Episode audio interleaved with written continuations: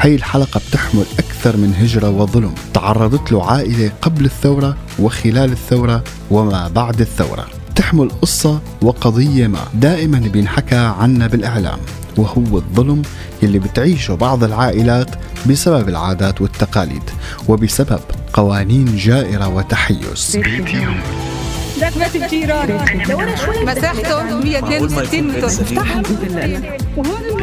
هالصورة بيتي محمد كان ابو محمود بيتي شيل شيل قدام ولا ورا ما عم لاقي صور شارع الا ربع يا أخي شلون بيتي هون. بيتي هون برنامج بيحكي باسمكن وصوتكن انتو. ضيفتنا بهي الحلقة السيدة سعاد حلاق. يلي اضطرت تترك بيت طفولتها لتنتقل وتعيش بعين ترمى وهي بتحمل فيض من الذكريات والمشاعر عن بيوت تنقلت فيها لتصير اليوم لاجئة بفرنسا. بتطرح سعاد كثير من الأسئلة أهمها شو يعني وطن؟ خلونا نروح نسمع اللقاء سوا من زميلنا عمر سواح وظيفته لهي الحلقة لليوم السيدة سعاد حلاق. هذا البرنامج قائم على حكاياتكم وعلى قصصكم على رحلة لجوءكم أو هربكم وين كنتوا ووين صرتوا شو يلي فقدته سوريا خلال هالست سنين من أيدي عاملة؟ من خبرات من شباب وكتير من الأمل.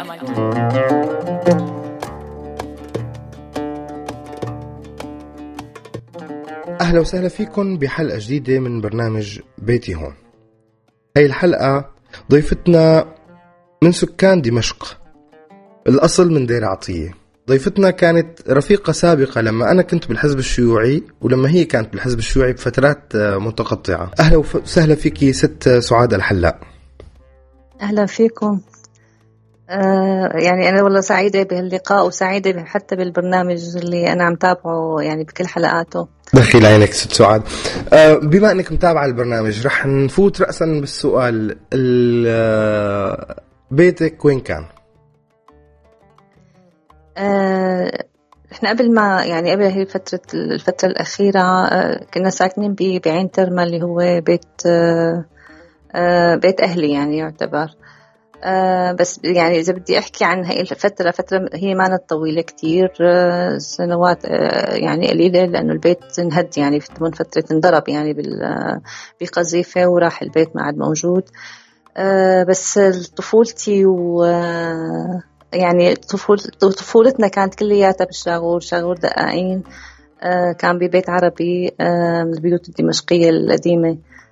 فبالاثنين يعني أكيد عنا ذكرياتنا عنا يعني في حنين يعني بشكل أو بآخر. طبعا الأكثر هو بيت الشاغور اللي كنا فيه. بدي أقاطعك لأنه أنت نطيتي على التفاصيل و... و... وما دليتينا هلأ على البيت.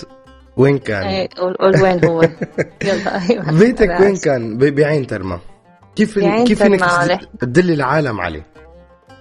من من ساحة العباسيين ممكن نطلع بميكرويات خاصة بسقبة وحموريا وكفر بطنة وعين ترما يعني كلهم هدول الميكرويات موجودة بساحة العباسيين. فبنركب فيه. فعين ترما أول أول يعني قرية بالريف الدمشقي يعني أول ريف بدمشق من عند من, من ناحية الزبلطاني بنوصل عليها بس في جامع جامع طلحة بن الزبير. هذا الجامع على علامة كبيرة بالمطرح مساكنين لحنا بس لحنا ندخل بدخلة لا يعني ما في المنطقة ما محددة ولا منظمة يعني نحن وقت سكننا ما كتير كان في لها علائم كبيرة يعني نحكي عنها.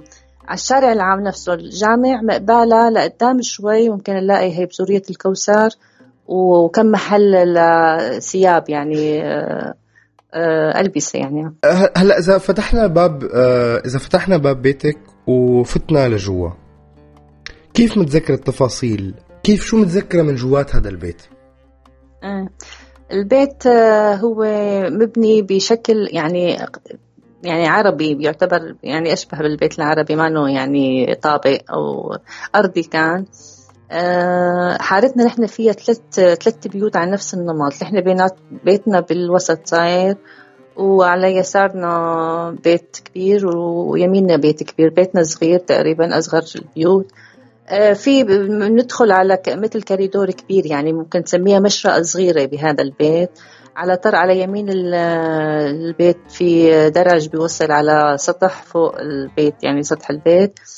إذا طبعا كملنا مع المدخل مقبال الدرج بتلاقي المطبخ. المطبخ على اليسار عفوا المنا... الحمام الحمام داخل المطبخ عاملينه.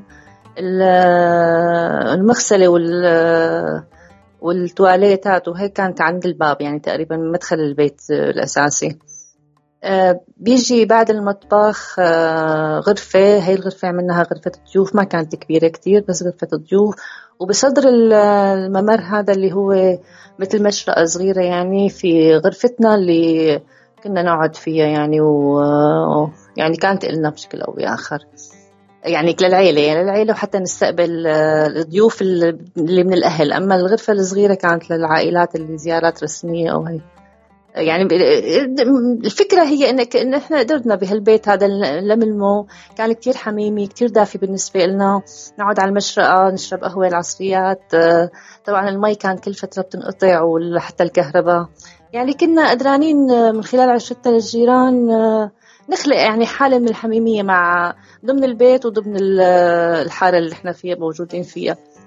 هي أي سنة سيدة سعاد آه، كانت هي؟ يعني هي كانت تقريبا بال بأواخر بالنص الأخير من 89 89 تقريبا لأنه وشتي وشتي على تغير المنطقة بهذيك الفترة؟ كنت جاهدة على على شراء اراضي حوالينا بتأسيس أسواق الخير مثل ما حكيتي عنه قبل شوي. كنت... إيه بعد فترة أنا كنت موجودة أنا لا شاه يعني بصراحة سافرت أنا نتيجه الوضع المادي طلعت على السعودية لفترة مشان يعني تحسين وضعنا المادي فكنت إنزل إجازات. فبهالفترة كان في تغييرات آه، منيحه بالمنطقة بس للأسف يعني نفس نفس القصة اللي عم تصير بكل سوريا.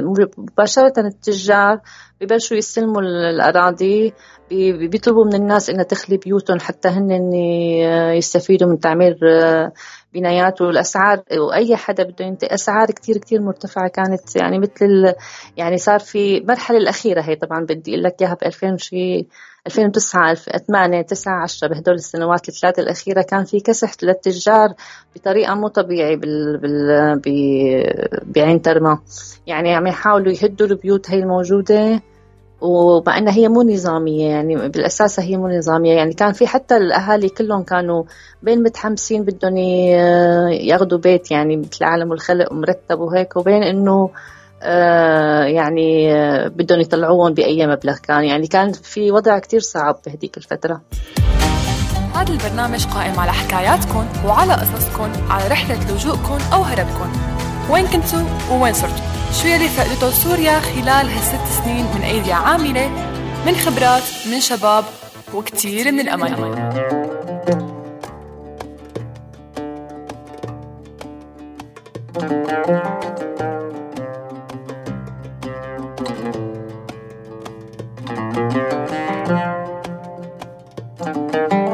سعاد انت حكيتي لنا عن بيت عين ترمى بس انت كان عندك ماضي وحياة بقلب المدينة بقلب دمشق بالمنطقة الشاغور. دلينا على بيتك بالضبط وين كان موجود بالشاغور تحديدا كيف؟ آه نحن كنا بشاغور دقائين آه طبعا قبل قبل باب الحديد هناك باب الحديد اللي مميز فيها شاغور دقائين بشكل أساسي. فعند الستروجي يعني اللي هو مكان المختار المكان اللي المنطقة بسموها الستروجي آه، فبيتنا نحن كان يعني قبل بحدود يعني قريب ال 40 متر أو 50 متر بيت دمشقي قديم ممكن نقول عنه بس قديم ما من التراث ما في ما في يعني داخله اي ما ما بيت عربي بالمعنى التقليدي للكلمة. تقليد يعني تمام أي بس هو بيت جميل جدا كان في ياسمين وكان في شجرة ليمون. آه كان في بحرة بس آه يعني نحن وقت اللي وصلنا صرنا بالبيت وعينا عليه قالوا لنا كان في بحرة بس ما يعني شالوها فيما بعد. البيت هذا بأساسه لجدي آه آه يلي عايش بتشيلي. آه، طلع و... آه، ونحن كنا ساكنين بالعمارة يعني قبل ما نكبر يعني ما في غير كنت أنا وأخي أمي وأبي كان لهم بيت بالعمارة. انتقلنا عليه فيما بعد لهذا البيت وقت اللي كان أبي تعبان مريض يعني انتقلنا على بيتنا العربي اللي هلا عم بحكي عنه بالشاغور. خلال هاي الفترة طبعا أبي طبعا يعني بدي أقول أنا إنه كانت جاية يعني نحن عائلتنا خمس أربع. نحن خمس بنات وصبي. فكان طبعا مكملين نحن عدد ست أشخاص. أبي توفى بنفس بيت الشاغور اللي نحن أخذناه. آه، كان جدي بهالفترة الفترة بين آه، قبل ما يتوفى واللي اكتملت في فيها عائلتنا بعدد أشخاص يعني جدي زارنا وعطى وكالة لعمي آه، بإدارة الأملاك الموجودة يعني. طبعا وقت اللي توفى والدي قبل ما يتوفى جدي اللي كان لسه بتشيلي اللي صار بإنه عمي ما اعترف يعني بالشرع يعني هو هي شغلة كتير مهمة بدي أحكيها أنا وتوصل.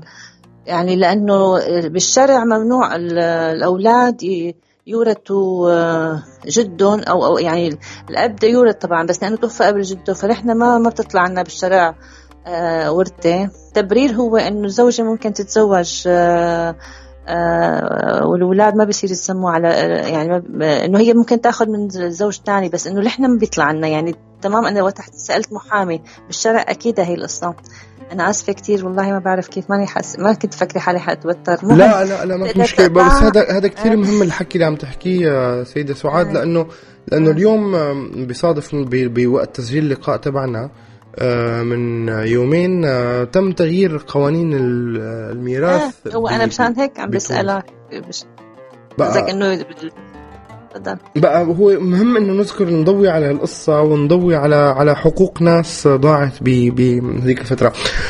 آه خلينا نروح على المدارس اللي درستي فيها سيدة سعاد. آه تنوعت المدارس يمكن داخل الشام وخارج الشام. مين شو المدارس اللي بتتذكري آه إنك قضيتي فيها وقت وعلقانة بذاكرتك؟ الجمان الهلالية كانت مدرستي الابتدائية. آه حتى أنا وأخت اخواتي اللي اصغر مني يعني ثلاث بنات كلنا كلنا مع بعضنا. فيما بعد آه، آه، في إخواتي الثانيين امه بنت الحارس كمان سجلوا فيها. آه، طريقنا كان كثير متميز. كنا نطلع من بيتنا ل عند باب شرقي. من باب شرقي نوصل على وقت صرت أنا بالإعدادية يعني وواحدة من إخواتي. إعدادية باب توما. بالثانوي كنت بالسابعة.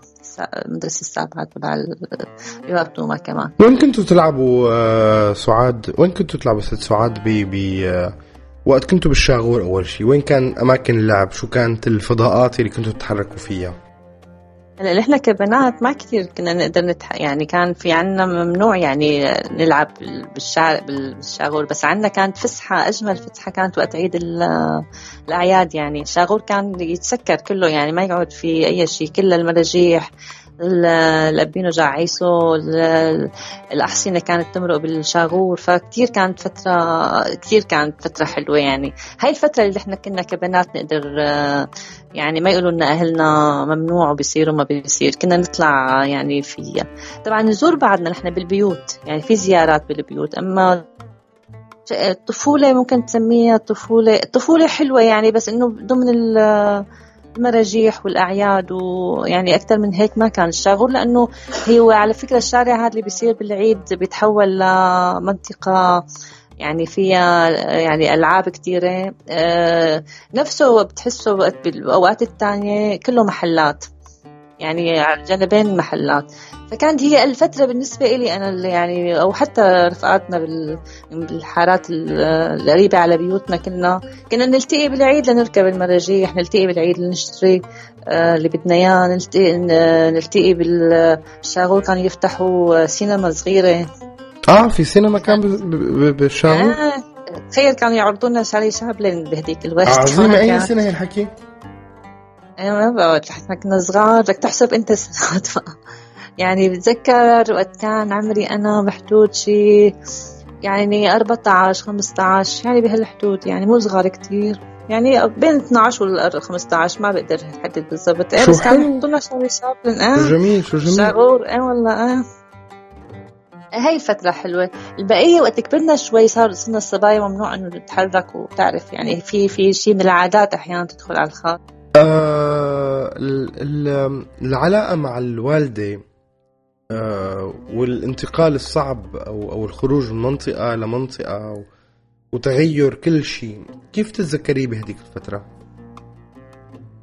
هلا آه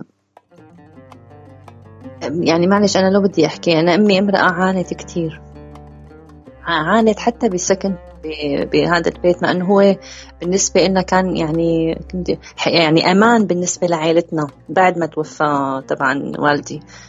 أه ما كانت تقدر كثير تتحرك ما كانت تقدر يعني كانت محاوطة. إذا بقول لك كانت تجيها يجيها نساء أنا هلا بتذكر يعني أنا كنت أصغر إخواتي عمري شيء 12 سنة يمكن 11 أو 12 سنة.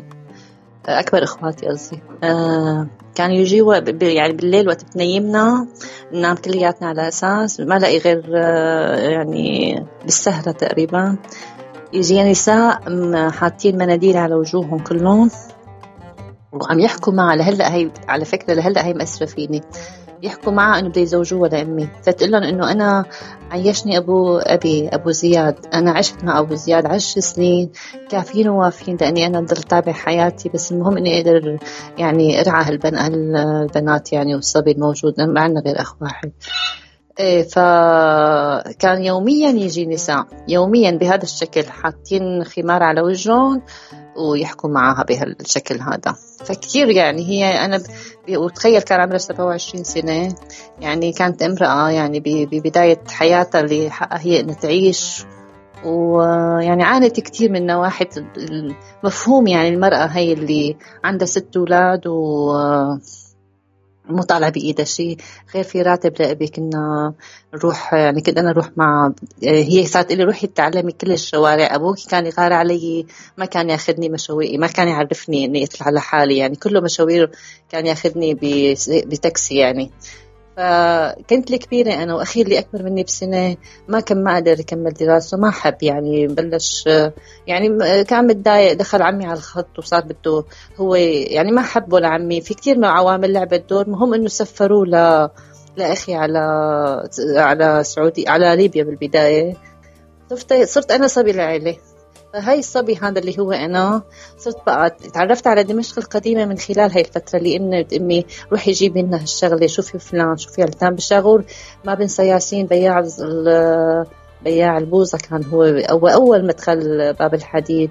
بتذكر أبو فهد اللي كان بياع الخضرة الخباز آه، آه، بياع الفول والمسطحة يعني في شغلات كثيرة عن أنا بذاكرتي يعني من صعب إنه الواحد يقدر ينساها. هيك صار إحنا فظرفنا وقت اللي أنا حكيت لك أنا معي مو؟ أنا معك إيه معك. وقت اللي أنا حكيت لك على انتقلنا على عين ترمى انتقلنا دهون ظرف بعد وفاة أبي. وك... وكانت أمي يعني في كان مرة كم سنة يعني كم سنة ب بإطار إنه نحن عايشين ببيت يعني ملك ما يعني من أملاكنا.